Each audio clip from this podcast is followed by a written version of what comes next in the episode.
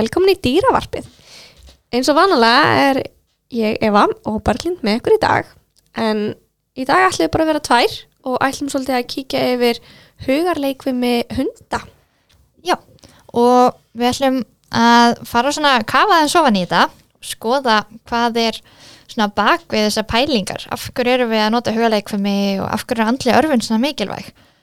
Og ætlum að fara yfir alls konar skemmtilega rannsóknir sem hafa verið gerðar á dýrum. Þannig að við svona flest nýtum þetta kannski mest fyrir hunda en þetta eru rannsóknir sem eru gerðar á alls konar dýrum sem er mjög skemmtilegt að fara yfir það og þótt að við séum kannski mest að fara að tala um hunda og þannig þá er þetta sjálfsögðu vilja að þetta sé svolítið hvati fyrir alla að nota hugarleikfumi fyrir öll dýr Mm, og Annars bara líka, bókstallega öll dýr annars líka bara tókum við svolítið fyrir hérna, hugarleikvimi mitt í kísuþættinum okkar, Já. inni og úti kísir það. Endilega kíkja á þann þátt ef að Mhm. þið viljið heyra eitthvað nánar um þær. Já, en ef við bara hendum okkur í þetta og byrjum kannski bara á hvað er andlega örfun og hvað er hugarleikfumi og þá erum við að tala um í rauninni eitthvað sem að áviðum tækifæri dýra til að stunda tegunda típiska haugðun og þetta er eitthvað sem að eigur velíðan dýrsins. Þannig að við erum ekki bara að bomba í eitthvað verkefni heldur er þetta verkefni sem að veita velíðan og mér finnst svolítið mikilvægt að fókusa á þennan punkt sko, þetta er að stunda tegunda típiska haugðun að, að það er svo stór hlutur þegar, sérstaklega þegar við erum með hunda og með mismunandi, margar mismunandi tegundir að það eru svo mismunandi eiginleika líka að við viljum reyna að nýta svona horfa á tegundin okkar og nýta þá hæfileika sem að koma náttúrulega hjá hundinum því að það er að fara að vera mest gefandi fyrir hann En þegar þú segir hvað tegundar típiska hegðun, hvað Já. ert að tala um? Hvað meinar þau? Það er svona hegðun sem að kemur náttúrulega hjá dýrunu. Þetta er bara mjög misjátt milli tegunda en þetta er svona tenging hunda við sitt náttúrulega eðli og sitt náttúrulega umhverfi. Og hva, Þannig að- hvernig er best að finna það út? Sko- Er það best að gera þegar þeir eru kolpar eða? Já, mér finnst svona, þetta er ofta eitthvað svona sem að hundar eru skammaðir fyrir að gera. Já. eitthvað svona, um, þetta er eitthvað svona hegðun sem okkur langar ekki að sjöundilega að gera heima þegar þeir eru ókslæstir og en það- yfirleitt gerist það því að við erum ekki svona að tjannlega hegðunina í, í rétt átt.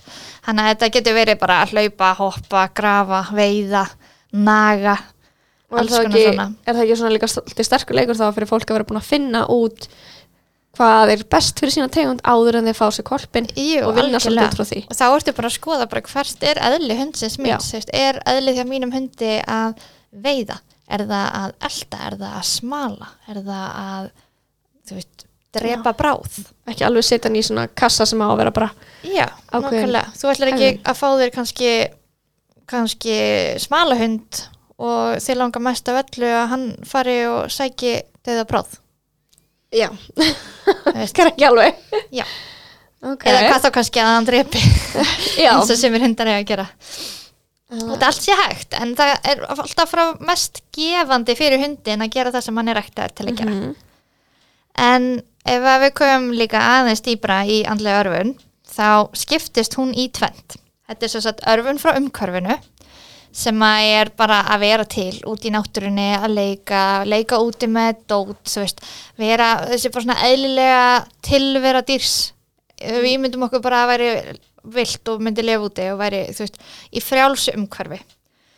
Og svo erum við með hugarörfun, þar sem að við erum að gefa dýrinu svona tækifæri til að nota heilan og þá er dýrið að æfa sig í lausna miðaðri hugsun og æfa sig að leysa verkefni. Og þú ert að tala núna bara um allar tegundir, eða ekki? Já, Bara frá smáhundi upp í öll stóran. dýr, Já. menn og dýr, Já. við erum dýr líka. En já, þetta er svo að snýst um að svona, nota sína styrkleika sem að hefur hérna, sem að dýrin hafa þróa með sér gegnum tíðina. Og já, eins og ég talaði um veiði, nógsvork, Mm. leita, elda. En andli örfun gefur dýrum svona ákveðna tilfinningu þar sem að þau hafa, þeim líður þess að þau sé með stjórn og eigin umhverfi.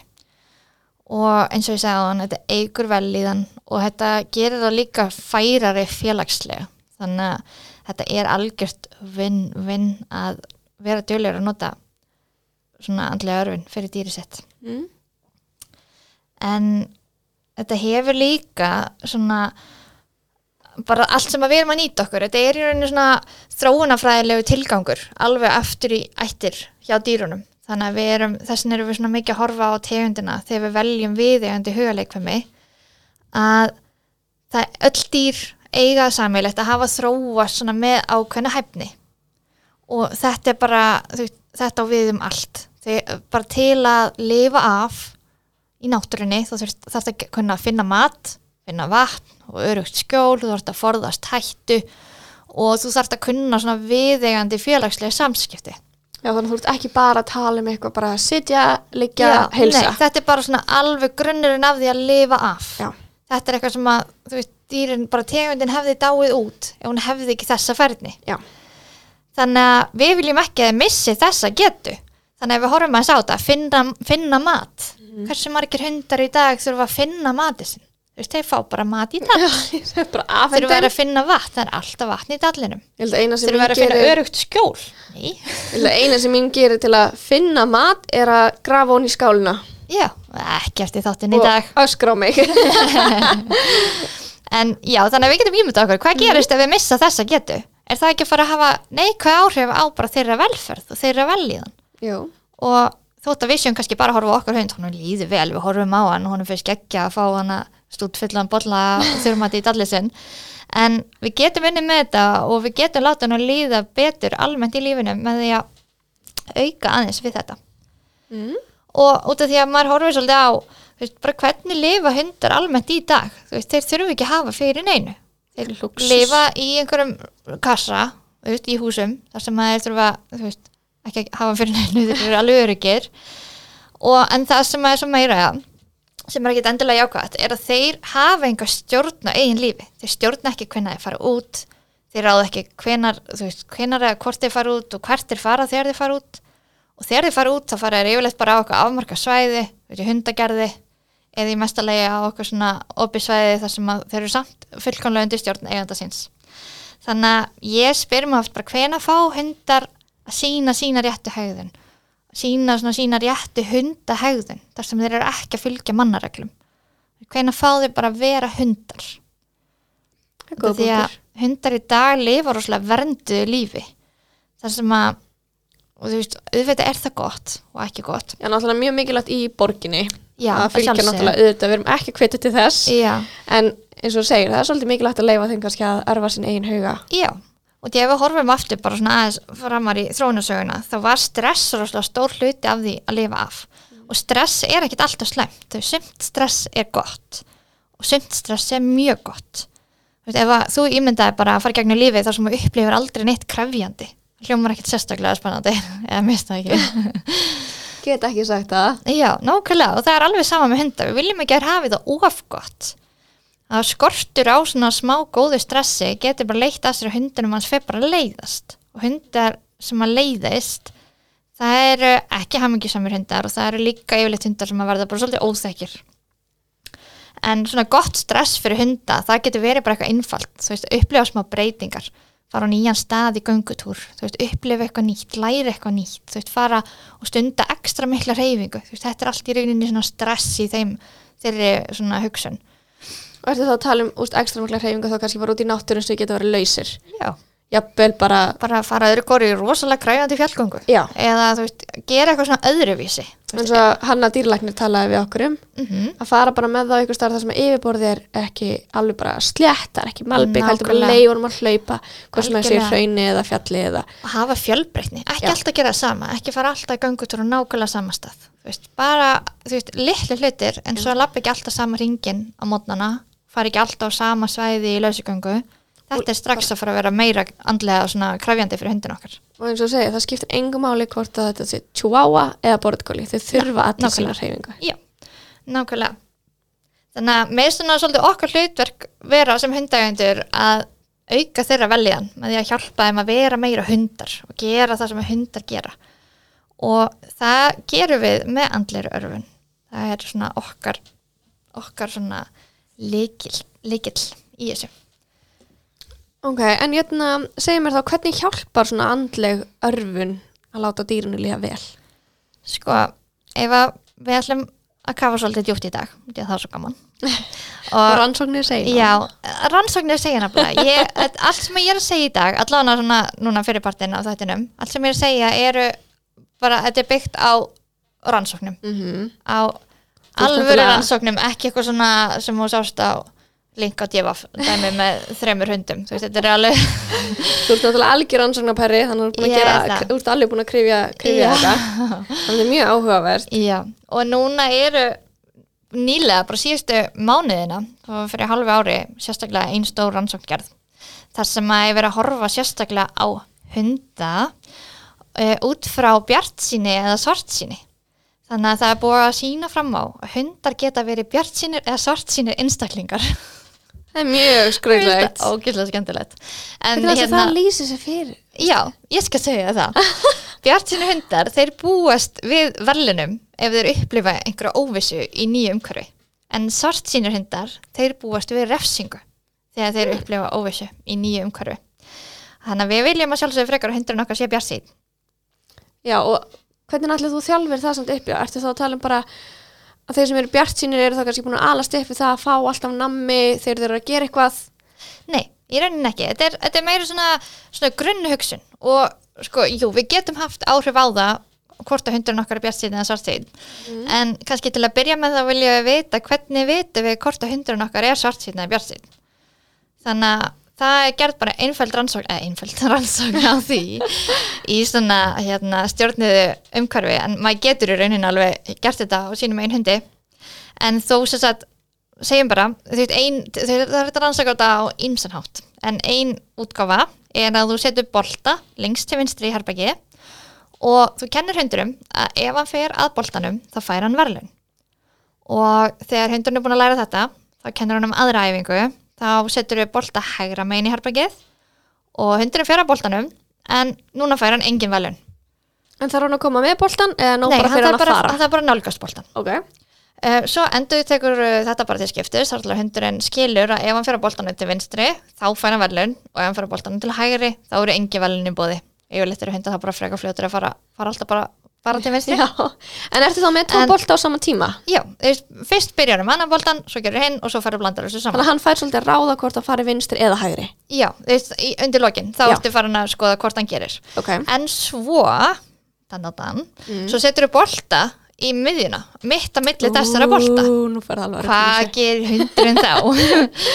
Og hérna kemur það sem er svo skemmtilegt. Bjart sín hundur, hann hleypur bara rosalega gladur að boltan við miðjunni. Úhú, ég er örgulega að fara að fá þú veist, og því að hann heldur bara, já, hann er örgulega næru sem vinstramæn en svart sín hundur annarkvort hunsa boltan eða labba bara mjög hægt að uh, ég er örgulega ekki að fara að fá neitt namni þetta er örgulega bara alveg eins og hægri boltan Ok, ég er að fara að gera þetta En hvað gerir þegar hundur fyrir miðina? Gefur hún velin? Ég, þú veist, alveg gefa hann velin þetta er rauninni bara til að skoða viðbröðin sko. en það er búið að skoða þetta svona hjá alls konar hundum og það eru margir hlutir sem hafa áhrif á hvort að hundar séu svona hvort þið mælist nei hérna bjartsýnir eða, eða svartsýnir. Uh, og til dæmis hundar sem eru gröndi með aðskilnaða kvíða þeir mælast oftar svartsýnir en sem er ekki með aðskilnaða kvíða. Þannig að mér finnst þetta mjög áhugavert. En þá eftir að skoða þetta betur þetta er eins og ég segi, þetta er bara frekar ný rannsókn og það er verið að núna skoða þetta út frá alls konar öðrum hlutum og verður mjög spennandi að fylgjast með því Já, nú fyrir við að gera þetta við okkar hund allavega. Já, Búin en hjá fólki Nei, reyndar ekki. Ég, ég veit alveg að hægt og minn er svo bjartsýtt Þeir eru svo Ég er ekki svo ég með viss takt. Ég er ekki viss við mína, mína djabla sko. En, hérna, en svona rannsóknir eru rosalega áhugaverðar og það er náttúrulega búið að skoða bjartsýni og svartsýni alveg gríðarlega mikið hjá fólki og nú er kennari minn í sálfræði hái, hann kallaði þessi alltaf doktor í, í bjartsýni. Jákvæðni, ég man ekki hvernig hann það. Að hérna var búin að gera eitthvað, einhverja stóra rannsóknir á þessu. Á það að hann fólki? myndi alveg, já, fólki, hann myndi alveg dýrka þetta sko. en hérna hjá fólki þá vitum við að bjartsýnir upplifa frekar bara jákvæða tilfinningar almennt í lífinu, díla betur við stress. Og það er bara mjög líklegt að það sama eigi við um hunda. Uh, og þá komum við aftur aðeins þessari andlegu örfun að aukin andlegu örfun verðist leiða til meiri bjartsýni hjá hundum. Þannig að ef að hundurinn okkar er mjög svartsýn eða mæli svartsýn, þá getum við breytti getum svona unni með þá tilfinningu með því að vinna í hans svona andlegu og svona uh, veitum bara að gefa meiri heila leikfumi, meira að gera. Þannig að þú ert eiginlega svolítið að segja það að það skiptir svo sem ekki máli hvað aldur er á hundinum. Mhm. þú það er aldrei á seint að byrja alls ekki okay. og það er ekki búið að rannsaka þetta eins og segi mikið meira beint á hundum en það er gegnum tíðina búið að gera margar, margar svona rannsóknar á öðrum dýrum eins og rottum og svínum og störrum Mm. en það er rannsóknir hafa til dæmis sínt að ef að dýr eru tekin úr mjög örfandi umhverfi og sett svo í mjög svona einhæft og boring umhverfi þá mælast þau mjög svart sín og þá mælast þau með að segja svart sínni en dýr sem hafa aldrei þekkt neitt annað en svona leðilegt umhverfi. Ok, Mér finnst það líka mjög áhugavert. Já. Og svo var ein rannsókn sem var gerð á svona bígulhundum sem að þeir eru náttúrulega mjög oft notaðar í alls konar rannsóknir því meður og þetta voru hundar sem að lifa bara í svona kennels í, í svona búrum. Og, og svo ekki spennandi umhverju sem að þeir búa í. Bara eru örgulega þú veist drefleðist á daginn og á nóttinu eru svo teknir yngra leila rannsóknir. En þú veist, já. Fyrir En- út í það. Nei, næ. En þeir voru sagt settir í skemmtilegt umhverfi með dóti og svona göngum svona tunnels og heilatrautum og alls konar. Og þeir fóru að mælast herri í alls kyn svona vitsmunalegri getu. Þannig að þeir eruðu basically, veist, hérna, eh, já, ég vil að lega mér að segja, þeir eruðu svona bara klárari þótt að allan hjá fólki er greinda vísi tala svona stuðugt fyrir bari en þeir fóru allan að sína meiri getu í að leysa vitsmunaleg verkefni Þannig fóru vera allan aðeins hamingjusamari Já, algjörlega. Og þessi saman niðurstaða hefur fengist hjá rottum, kóm, svín, sínum, geitum, alls konar. Og til dæmis ein mjög skemmtilega svona svínaransókn sem var gerð. Uh, það voru svín á svínabúi og þau fengu alltaf bara að borða tvisar á dag í fóðudalla og þú veist, ég held að vita allir hvernig svín hafa það í svona ræktun, ekkert rosalega spennandi líf. En hérna með grunar reyndar á akkurat þessu búi hafi verið eitthvað aðeins meira svona á milli eirnan á á hérna þeim sem átti þau því að hann tók þátt í þessari rannsókn.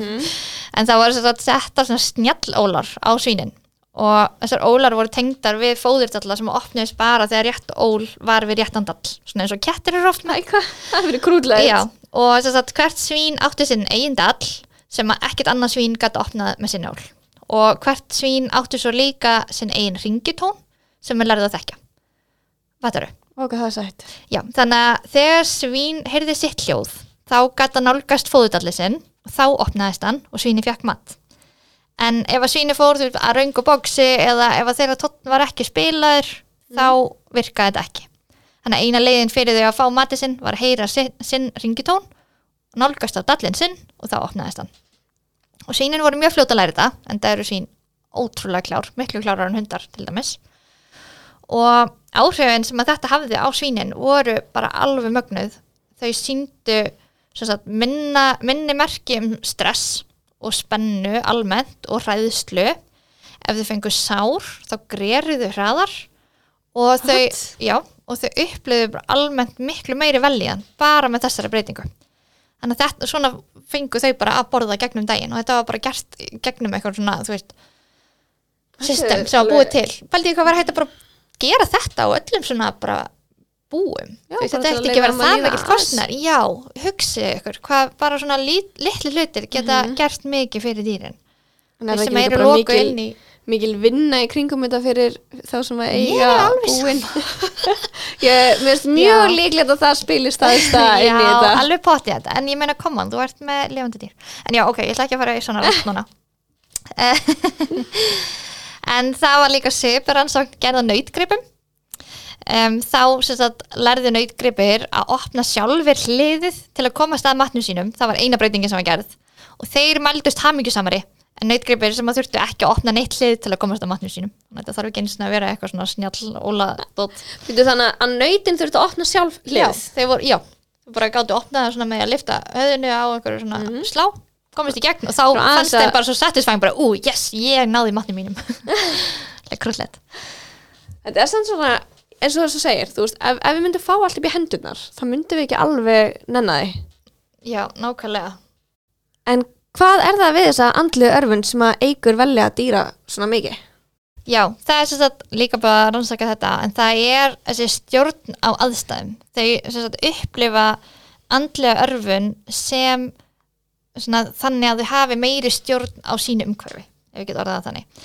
Þannig að þegar dýr komast í nýjar aðstæður þá byrja þau á að meta hversu mikla stjórn þau hafa á sínu nær umhverfi og að reyna að meta svona, hvaða nálgun væri best fyrir þau því sem er í gangi. Þannig að það hvernig þau hegða sér byggir á því hversu mikla stjórn þeim finnst þau hafa á sína, sínu umhverfi. Fattarðu? ok, Þannig að ef að við tökum þetta bara yfir okkur, þú veist, ímyndaði þér að þú sért í mjög óþægilegum aðstæðum og þið langar bara að komast í burtu og ímyndaði núna, þú veist, að þú hafir bara fullkomna stjórn á aðstæðum, þú veist, þú kemst í burtu ef þú vilt, en þú ert samt í mjög óþægilegum aðstæðum, þú veist, hvernig myndir þér líða í þeim aðstæðum, hvernig myndir þér díla við þær aðstæður? ef ég föst eitthvað staðar en ég Nei, kemst, þú, þú ert ekki, ekki föst, þú, þú ert í erfiðum aðstæðum já, en þú veist að þú ert ekki föstar og kemst í burtu ef þú þarft þú, þú þarft bara svolítið að komast í gegnum þetta. Ég ætla að ímynda mér, maður myndi upplifa smá svona, þú veist, vonartilfinningu þú veist, frelsistilfinningu þú veist, Mhm. ég kemst í ég já, þarf það er Þannig okkur máli léttir svona jákvæðar tilfinningar. Þetta hjálpar okkur að líða eins og þetta muni klárast. Já, þú svona tæklar þetta en þú gæti Já, samt farið. ég ímynda mér svona, maður er kannski að jafna sig eftir aðgerð, þú veist, maður veit þetta lagast. Maður, veist, þetta er okkar stjórn. En ef við flippum þessu, hvernig myndi okkur líða ef við hefðum enga stjórn? Þú veist, það er bara búið að ræna okkur. Við erum bara föstun í Þú veist, við erum ekki að fara að komast í burtu veist, hvaða tilfinningar erum við þá að fara að upplifa? Veist, við erum að fara að panika við erum að upplifa vonleysi við erum að fara að vera hrætt Mhm. veist, að að bara og þetta getur verið alveg álíka erfiðar aðstæður sem við erum að bera saman en munurinn á því hvort okkur líði eins og við séum við stjórnum eða ekki það getur verið bara megin munurinn á því hvort að okkur líður hræðilega eða bara svona, ah, þetta rættast já, þannig að þetta sýnir hvað er mikilvægt finnst mér allavega, sýnir hvað er mikilvægt að láta dýrun líða eins og hafa einhverja stjórn. Og eins og ég sagði veist, við erum búin að taka rosalega mikla stjórn af dýrum bara í sínu dælega umhverfi. Mhm. en ef við förum aftur í bjartsinu og svartsinu dýrin að bjartsinn dýr sem er komin í nýjar aðstæður þau hugsa hm, hvað get ég gert í þessum umhverfi?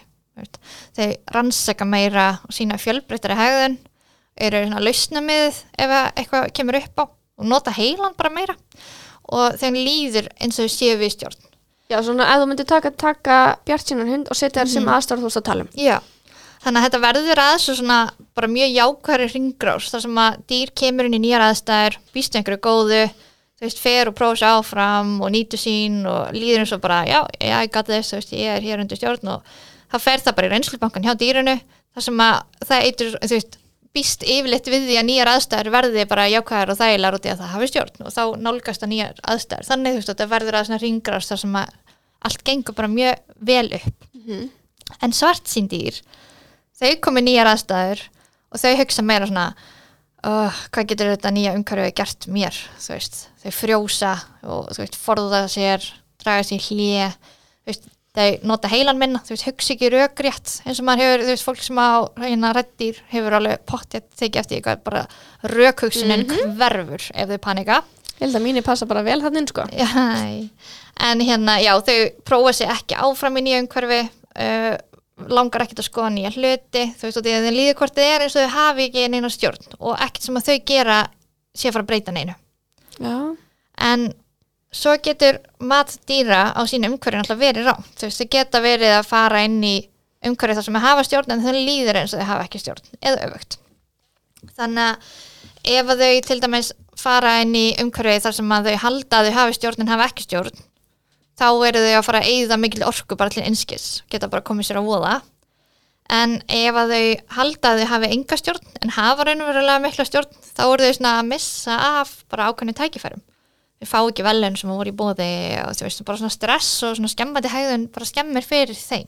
Já, og stressar hundar, þeir festast svolítið svona í stressbúblunni sinni. Þú veist, þeir ná ekki að aðlægast nýjum aðstæðum án aðstöðar því þeir nálgast bara allar aðstæður. Nei, ég hef enga stjórn, en þeir hafa kannski stjórn. Þannig að þá þurfa þeir hjálp við að svona læra að hugsa svolítið hlutina upp á nýtt. Já, ég þarf svolítið að taka þetta án á Lólu sko, eldri mína. Mm svo sem er með aðskilnaða kvíðaði mitt og, Já, og er rosalega erfið í nýjum aðstæðum.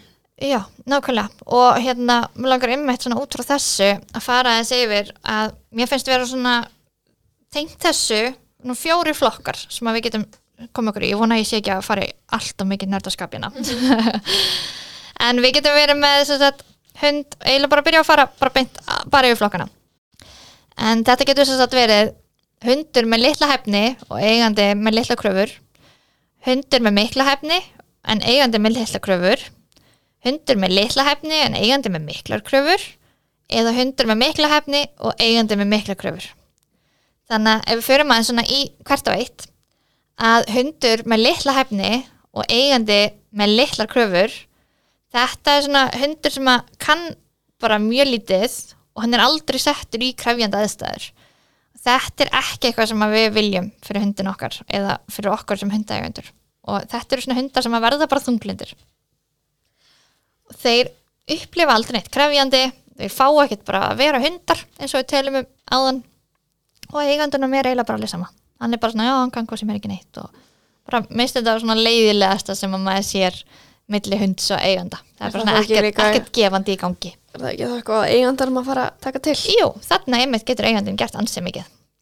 Uh, Svo eru hundarnir sem eru með mikla hefni en eigandinn er með litlar kröfur til hundsins. Þannig að hundurinn er eldklár en hann upplifir aldrei neitt krefjandi. Það er svona, er eins og hundurinn sé svolítið overqualified bara í jobbið. Þannig að þetta veldur þetta bara leiða hjá hundinum og það getur svo út frá því bara komið alls konar vandamál. Þetta er svona hundar sem að byrja að skemma allt heima eru oft með mikil hæðuna vandamál og, og stundum er lustin í því einfallega bara að gefa hundinum meiri bara meiri tilgang, bara meira að gera í lífinu. Og svo getur við verið með hund sem er með litla hefni en eigandin er með miklar kröfur á hundin þá er hundurinn settur í mjög erfiðar aðstæður. Hundurinn á kannski bara að leysa eitthvað vandamál sem hann ræður ekkert við. Þannig að hann næri aldrei að leysa verkefnin. Þannig að hundurinn fer bara að upplifa kvíða og frustrasjón og þarna sér maður oft smá tengslavandamál milli hunds og eiganda veist, þeir eru ekki alveg að klikka saman. Eigandinn býst við einhverju hefni og hegðun frá hundinum en eigandinn kann samt ekki að ná þessari hegðun fram. Kann ekki svona mér vantar svo gott íslenskt orð fyrir svona set the dog up for success. Ég auglýsi hér með eftir þýðingum ég hefur svo oft vantað þýðingu á þessu. Set the dog up for success. Yeah. Við setjum fyrir- þannig upp að hann nái árangri Já, ok. Þannig að við erum ekki að fara að gefa honum of erfi verkefni. Þú veist, þetta er alveg eins og bara hjá fólki, hjá börnum í skólanum. Ef við ætlum alltaf að bara kræfja þau um að reikna og þau kunni ekki að skrifa tölunar veist, þá líður þeim bara eins og þau get ekki neitt. Já. en þau eru kannski bara mjög klár kunna alveg að gera strikinn kunna að telja en þau kunna bara ekki að skrifa tölunar veist, það þarf að fara í grunninn. Og svo smám saman getur maður að fara að gera meira kræfjandi og maður verður að byrja á grunninum náðu tróðin björnsverkefnir mín. En svo er ég með besta kombóið þar sem við viljum vera. Allavega okkur langar að gera eitthvað mikið með hundinum okkar. En það er fær hundur með eiganda sem að setja mikla kröfur á hundin þarna eru kröfur eiganda að passa fullkomlega við færni hundsins og það vera að mattsa svona svolítið saman náttúrulegi færni frá náttúrulegri færni frá tegund hundsins við raunhafar væntingar eiganda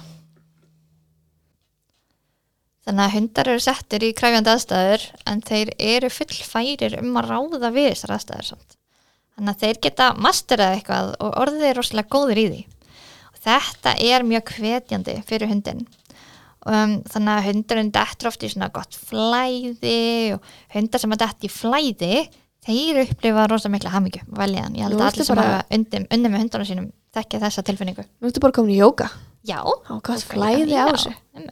Á hvað nákvæmlega. flæði á Já, þessu. einmitt, nákvæmlega, flæði er gott og þannig að við viljum svona, við viljum koma hundinum okkar í krefjandi aðstæður sem að íta undir fjölbreytta og tegundatípiska hegðun en við verðum samt að mæta honum þar sem hann er þannig að við viljum næstu því koma hundinum okkar í eins mikið uppnám og við getum áður en honum byrjar að líða illa yfir því þá náum við árangri en við verðum samt líka að passa upp á hundana sem að ofurvast þannig að hundar geta oft haldið bara endalist áfram en þeir var samt fara að líða illa fyrir löngu. Þannig að maður þarf að kunna að lesa hundi sinn og stoppa áður en það gerist.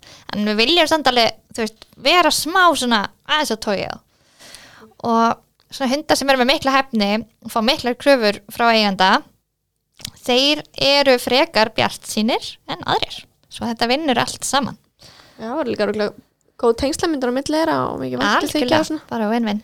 En þetta er einmitt það sem maður kannski ítir alltaf á það, skoða hundin, tegundinar áður en þú tekur það þér. já, Ekki bara taka hvað sem er og vonast til þess að skoða hvað er bakvið og bara Já. hvað er veist, og ekki, þú veist, auðvitað er alltaf einstaklings, einstaklingsmunur en það er samt oft rosalega stert eðli eins og sérstaklega í veiðihundum verður að hafa Já, þannig að alltaf að vera meðvitaður um hvar Já. grunnurinn er í hverju tegund, eða hver grunnurinn Já, er. nákvæmlega og einmitt velja andlega örfun út frá því sem Já. að við förum svo kannski aðeins betur yfir dæmi á eftir Mhm. en svona smá svona til að taka þetta saman að andlega örfun getur gert dýrin okkar bjart sinni á lífið og getur látið dýrin okkar upplefa meiri stjórn og aðstæðum minka stress og óta og lætur dýrunum okkar líða betur og díla betur við erfiðar aðstæður.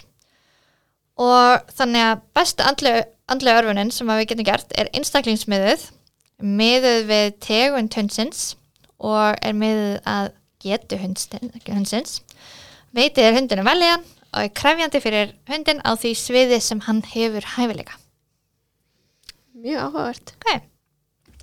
En þá langaðum við kannski bara að fara smá yfir hugarleik fyrir mig og dæmi um andlega örfun Já, ekki? því að ég var alveg mjög til í að heyra einmitt Já. hvað á ég að gera við Lólu? hvað hefur þið gert? Hvað, hvað finnst þið gaman að gera? Hvað finnst henni gaman að gera? Henni er skaman að vera bara laus í örugu umhverfi þar sem hún veit hvar ég og maginn minn erum. Þannig að þetta gæti ekki verið bara, ok, þannig að hún er að fara að hafa gott af þessu já, mjög.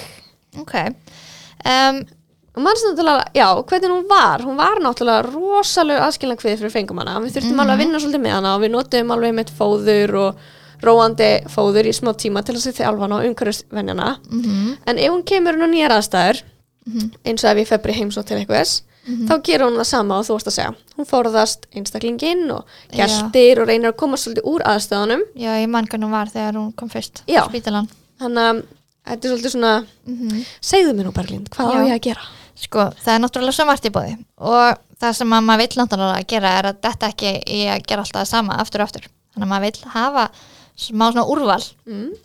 og skulum bara fara yfir bara svona basic bara heila leikfumi og, og leiki og svona sem eru skemmtilegir.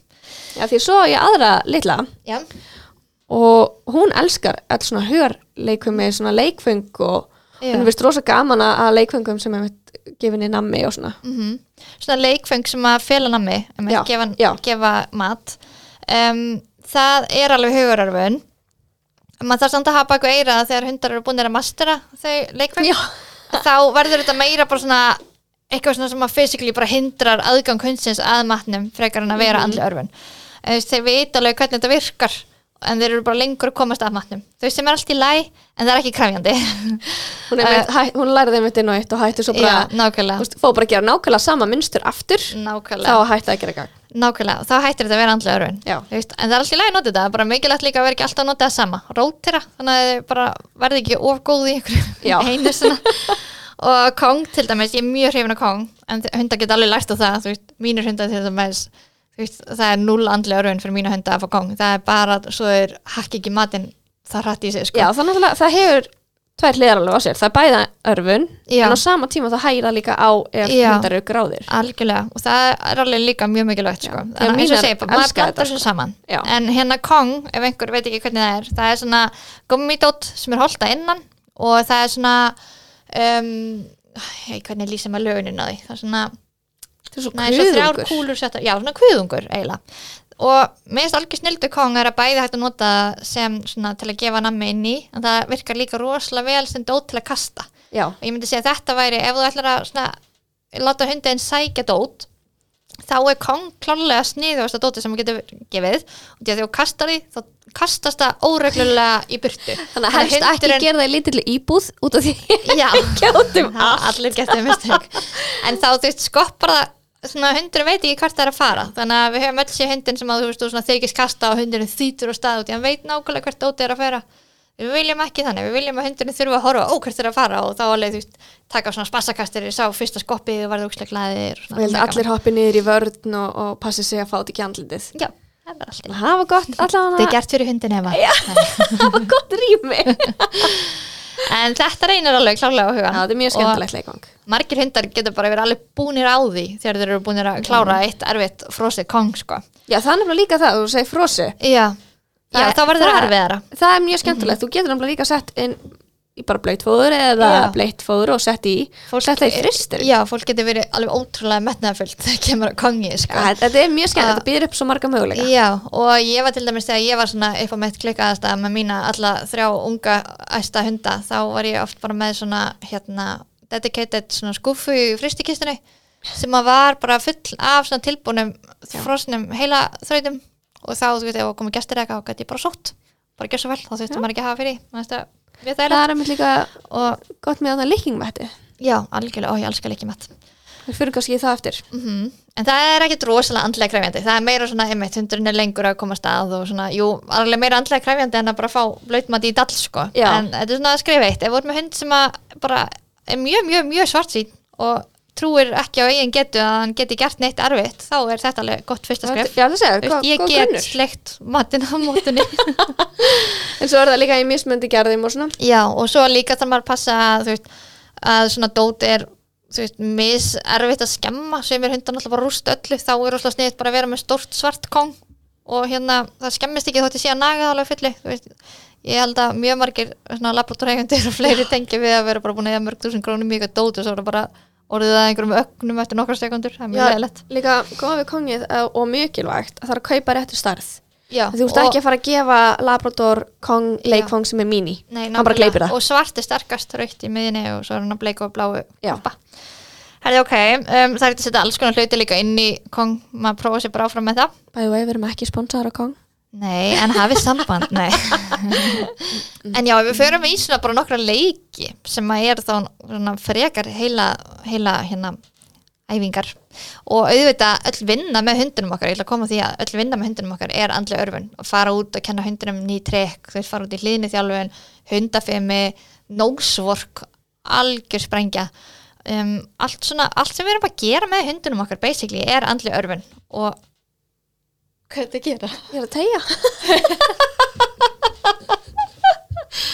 að prófa að vera í stúdíum með svona kassaletri og Þetta er að poppa út sko. Ég er að tegja bara með hann Herri ok, fyrir mér nokkra leiki.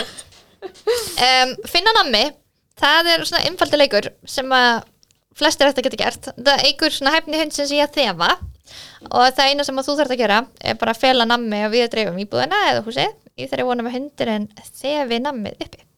Það er líka kannski sniðut þá líka að nota eitthvað sem að er til að byrja með eitthvað sem að er mikið lykt af eða? Já, algjörlega og hérna, einmitt, byrja okkur að smelli og svo vinna sér í eitthvað aðeins minna.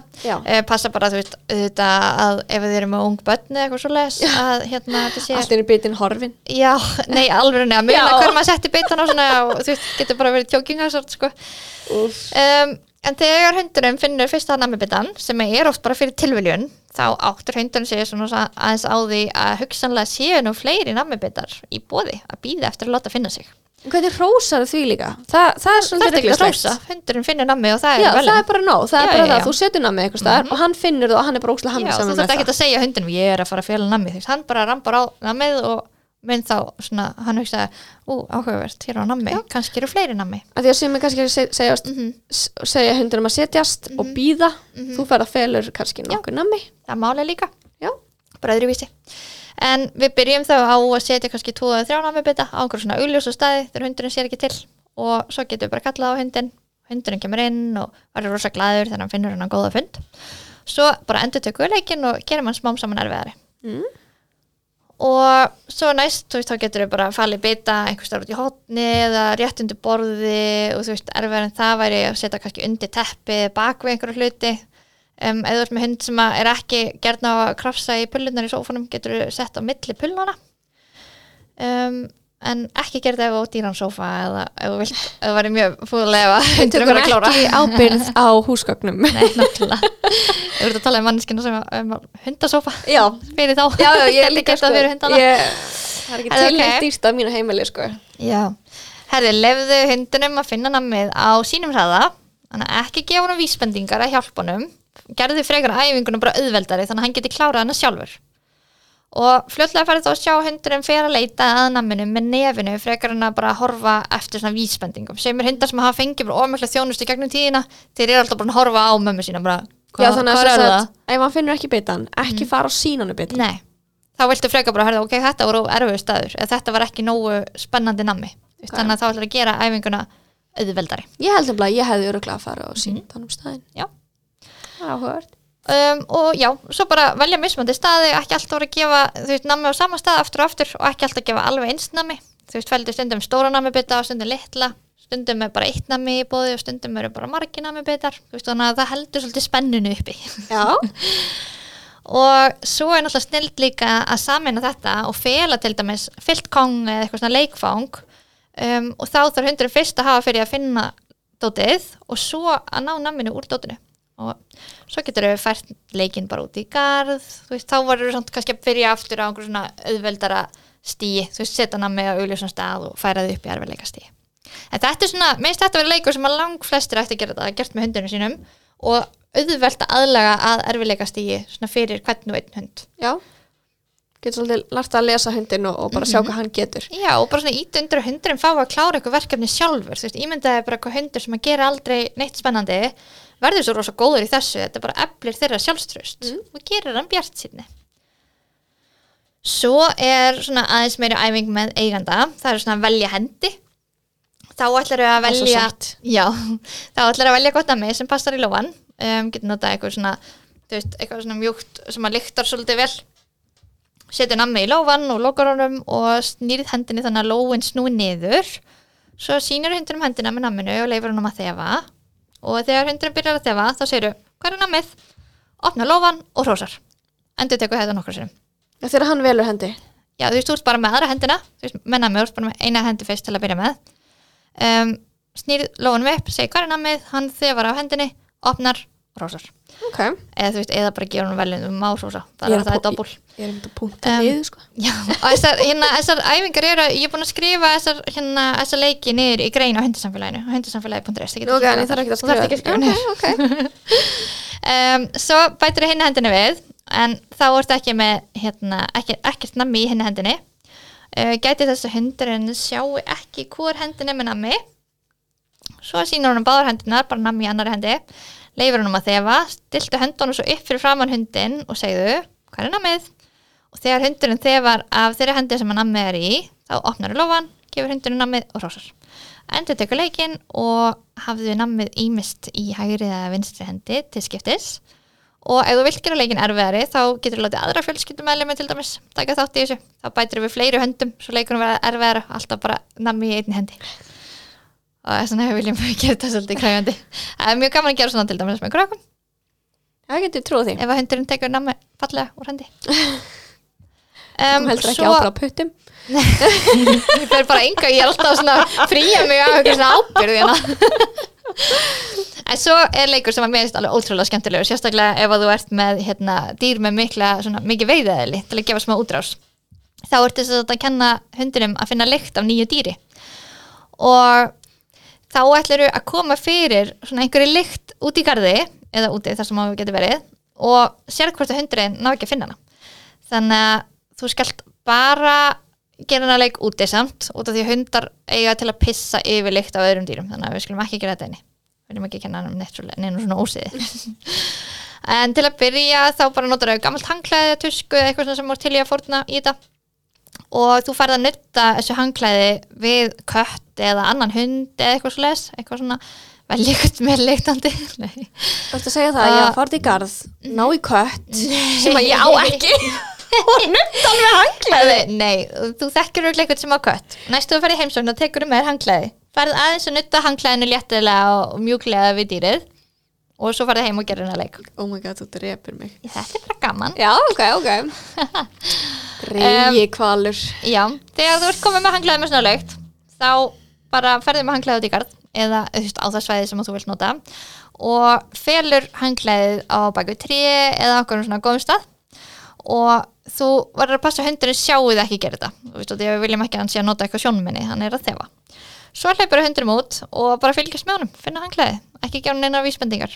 Og svo getur þú veist, þú getur notað lykt af öðrum dýrum en hundum og köttum, þú veist, ef það fyrir að ganga vel getur þú fengið að nota kanínur, þú veist, págauka, hamstra, hvað sem þetta eftir í hug. En þú gerir þetta bara þá við önnur dýr. Þú, ég myndi ekki fara að setja skiptuna hjá þetta- manninu mínum út í garðið eða? Jú, þá er hann bara að leita lykt af fólki. Já. en hundum finnst oft bara meira spennandi að finna, þú veist, svona hundum finnst oft meira spennandi, veiðhundum finnst oft meira spennandi að finna lykt af öðrum dýrum. En svo ertu kannski með, þú veist bortikolli, labrador eða eitthvað svona sem er ektaður í að vinna rosalega náið með fólki. Já, eða þú tala nú ekki um veist, sem að eru hérna, notaðir að leita að fólki í björgunarsveitunum og svoleiðis, þá er rosalega gefandi að leita að fólki, en hérna þá getur líka bara nota fólki sjálft, þú veist, þú ert ekki að fara að gera svona æfing með alvöru ketti. Þannig að svona eftir að gefa hundum smá svona útrás fyrir veiðaðli þú veist, þá náður hanglæðin og svo getur þú farið í tuskuleik svona með, þú veist, hanglæðið að djöblast eitthvað með og svona, og þá er að fá svona að drepa bráðina og þess að drepa neindir þannig að svo þegar ég hitta köttin sem að ég er búin að nota til þess Nei, að þú passar að hundin heitir aldrei kettin Ok, ok. Óguð Þetta nei, hendast sérstaklega fyrir hundar sem eru mitt með svo stert veiðæli og, en maður er að passa á rosalega vel að það er hitt ekki annu dýr. Ok, að sjálfsögðu. já. Hörðu, ok, uh, félileikur þessi er líka mjög skemmtilegur. Þá eru velunin þú. Yay. og þá bara þú getur gert þetta líka til dæmis inni. Þá ef að hundurinn er einhvers staðar í íbúðinni að dunda sér bara að leika þá eða þú veist bara lúla eða whatever þá félið þú þig á einhverjum óvinnilegum stað sem hundurinn myndi ekkert endilega búist að finna þig á og þá getur þú svo bara falið undir borðið eða undir rúmið, inn í skáp eða eitthvað svo les og bara býður. Og hundurinn mun leita að þér þegar hann fattar að þú ert horfinn svona yfirleitt sérstaklega sem unga hundar sem eru svona svolítið mikið alltaf mömmu sín út um allt. Og þegar hundurinn finnir þig þá bara hrósar og kemur námi eða eða leikur eða gerir eitthvað skemmtilegt. Þannig að þetta ekki kalla á hann býður bara eftir að hann finnir. Þú kannski gerir þetta ekki með mér. En semir hundar eru svona með sjúkir og var alveg svona, hörðu, býtu mamma er búin að vera svolítið lengi í burtu þannig að veit Já, við gerum þetta stundum sem sagt hérna ef að ég fel mig og maki minn segir þá líka hvað er mamma? Já, og þá byrjar að leita. Emmitt en þá er það reyndar ekki að nota nefið. Það er emmitt nefnilega næsta útgáfa er að þá þú bara gerir það nákvæmlega þannig. Þá er einhver annar sem heldur hundinum og meðan þú félið segir svo, að hvað er mamma eða hvað er þú veist whoever Já, við erum Og- náttúrulega klikkað hundafólk hann er Já, sem mamma. nákvæmlega, nákvæmlega. En hérna, þá oft það sem að gerist í því þegar hundurinn veit að þeir eru að fara í félagleik er að hann byrjar á að hlaupa svona eftir minni og veit svona sirki hvað áttu fórst og svo tekur það við. Já. þannig að það er rosalega, þú veist, og svona benefitið sem að hitt hefur er að hundurinn kannski átti að ekki á því að það var eitthvað í gangi. Já, en hérna, svo þarf hann líka að láta nefið taka við, þú veist, ef hann finnur því ekki með augunum. Þannig að en þá líka einmitt bara rosa hávúkslega gaman og hérna um, já. Það mín allan hafa mjög gaman að þessu Já, segja, þá, þá er það meira kannski að nota sjónminnið og, og leita. Já, og svo getur alltaf bara gert leikin erfiðari með auka fjarlægina eða auka tíman sem að hundurinn þarf að býða áður en að færa að leita þér og þú gerir þetta úti. Já, við gerum þetta líka með í náttúrunni. Já, það er bara geggja gaman. Fela okkur öll bak við eitthvað tré eða eitthvað og, og, og svo byrjar það að leita. Já, nákvæmlega. Svo er annar leikur sem heitir Veldur rétta skál sem er svona svolítið líkur að velja hendileiknum En þá notar þau bara plastskálar eða einhverjum svona skálar sem hundurinn kolur verið ekkit rosalega auðveldlega og sem að brotna samt ekki heldur ef ekki gerðist eh, Leggur skálina yfir nammibita og meðan hundurinn er að fylgjast með. Og svo reyfuru skálina svona til og frá nokkur sinnum og segir að hvað er nammið og þegar hundurinn þegar var að skálinni þá leiftur hann upp og leifir hundunum að borða nammið á meðan hann sósar svo gerur þetta nokkur sinnum og bæti við annari skál leifir hundunum að horfa og meðan þú setur nammið undir aðra skálina og svo færir það bara til og frá og snýr þeim í ringi og stoppar og segir hvað er nammið? Og svo þegar hundurinn þegar var að þeirri skál sem er með nammið þá leiftur skálinu upp og sósar En hvað gerir ef hann velur rángaskál? það bara gerist ekki neitt þú bara opnar sínunum og það er ekki neitt ég þar myndi þá, þú veist, ef hann er alveg bara alveg, þú veist, ekki neitt að tengja þá Já. myndi ég svona opna sínunum nammið og loka aftur bara, nei, þú valdir ekki rétt. En þá myndi ég svo líka að fara að hugsa, ok, var þetta erfitt fyrir hann? Finnur hann enga lykt, þú veist, er hann kannski bara hundur með krami tríni sem að, þú veist, þú þurft nefið eitthvað og er bara ekkit rosalega góður í að þefa? Þú veist, þurfum við þá að vera með ekstra velleiktandi nammið Já. eitthvað, því að hundar eru áalveg að finna svona skál auðvitað, sko. Ok, og þá, þú veist, frekar ef þetta verður alltaf auðvelt að gera þetta aðeins það erfiðara að juicy livrapilsu á þetta. Svo bara bætir við skálum. Þar er alveg hundurinn ára algjör mæstur í þessu. Og þegar hundurinn þefar ítrekka rétti skál þá getur við verið vissum að hundurinn sé ekki að gíska heldur er hann að nota nefið. Mm. ok. Um, svo hérna annað svona sem allir geta gert bara hvar er kvöldmáturinn og að tölum um eins og áðan að flestir hundar þeir fá bara sama mat á sama stað á hverjum degi á sama tíma dags þú veist það er ekkert að frétta. Um, bara þeir heyra í matnum eftir í dallin og bara skjótast beint á sama stað á venjulega. Og þannig að veist, hvað myndi gerast ef maturinn er bara allt í einu settur á nýjan stað? Veist, hundurinn færi strax að leita að matnum, hann veit að það er að koma matur. Þannig að viljum við að byrja á að gera þetta auðvelt ef hundurinn er ekki vanur þá bara setjum við hund, hundamatinn bara þú veist, kannski í herbæki við hliðina þú veist, fyrir utan hurðina við hliðina og þú veist, ekki þannig að hann þurfa að leita eitthvað sérstaklega mikið til að finna aðeins til hann fatti leikinn svo prófa maður sér bara áfram og setur hundin nei, setur megin í íbúðina í nýtt herbæki eða þú veist, skipta bara svona um staði reglulega, ekki alltaf gefa á sama stað svona litli hlutir. Geta bara gert lífið aðeins fjölbreyttari fyrir þá. Verð það þá líka ekki hérna sniðið þetta út með góðan garði eitthvað eins og að blanda þá líka saman hverju kvöldmaturinn og að leita að henda matnum í grasi. Jú, það er algjör snilt, bara rosa gott. Og þú veist, maður getur líka gert það inni þú veist, bara dreift matnum yfir gólfið á, þú veist, inn í eldur eða eitthvað, en þá aftur þú veist, það væri til dæmis meira bara svona svolítið, þannig er lengur að borða það, ekkert rosalega andlega kræfjandi en um leiðum maturinn komin í gras, þá er það meira andlega kræfjandi að finna kúlunar það er mjög góð leið til að gefa, gefa hundurinn sínum matinn. Margir vilja miða við til dæmis að gefa hundurinn sínum alltaf helming af matnum yfir daginn í einhverju svona andlegri örfun og svo helming kannski í dallinum sem finnst leiðilegt að gefa hundurinn sínum aldrei bara mat já, í dall en sem eru vilja bara gefa allan Það er líka í verkefni. Pínu erfitt að fylgjast með ef þið ná að að því að stundum er mikilvægt til klári matið mm já, algjörlega. Erfitt að fylgjast með því ef þú ætlar að fara að tína kúlutnar hvar þú kastar já, algjörlega. Þá aðeins búið að snúast við að hundru fylgjast með þér tína kúlutnar mm já, einmitt. Og þetta er náttúrulega miða líka að að þú sést með hund sem að bara finnst svolítið gaman að borða matið já, en svo líka hundar sem að einmitt eru gekkir og vilja oft ekki borða. Þeir borða oft frekar þegar þeir þurfa að hafa þess fyrir matnum sínum. Já, þannig um að gera prófið hans áfram. Já, það er bara búið að vera mjög áhugavert að fara gegnum þetta með þér. Ekki bara, nú ferð þú bara heim og gerir heila leik fyrir maður ég, hérna, ég hef ekkert annað að gera menn ég er að býja eftir þessu batni þá til að kemur út Þú sko er ekkert annað að gera en að beigja þig á gólf já, og og fela mig undir borði þú finnir mig bara þar út í garð og svona nutta handklæði við ketti. Ekki hringa lögreglun eða sjá mig á vettanum Nei, hérna ég eins og ég segi, mín, mín er eldri, að, hún er náttúrulega kom til mín að því að hún var líka með mikið vandamál. Og, og það verður mjög gaman að prófa þetta áfram á henni. Já, þú getið prófað ef þú þig til að gera svona bjartsinni mælingu á henni Já. hvort þú mæli svart sín núna og svo vera gera andlega örfin og prófa svo aftur eftir nokkra mánu Já, ég kannski leiði ykkur bara að fylgjast með líka hjá okkur á hérna, Instagramin okkar dýravarpi hvað hún Lóla gerir Já, það er gaman. Ekki? og líka, þú veist eins og núna er að koma batn hjá þér og svona og það er fullt á svona eins og sér bara einfaldi leikir sem að eru samt rosalega gefandi fyrir hundana. Að hérna, ég veit maður hefur ekki endilega orku eða löngun í að vera að gera eitthvað rosalega mikið með hundunum sínum fyrstu mánuðina. En veist, að gera svona öðru koru Já, ég getur meina- verið gott. Hjálpa líka samt svolítið undir að, að þegar hún er sofandi, lilla daman að hafa þá alveg hvað að leika við þær. Já.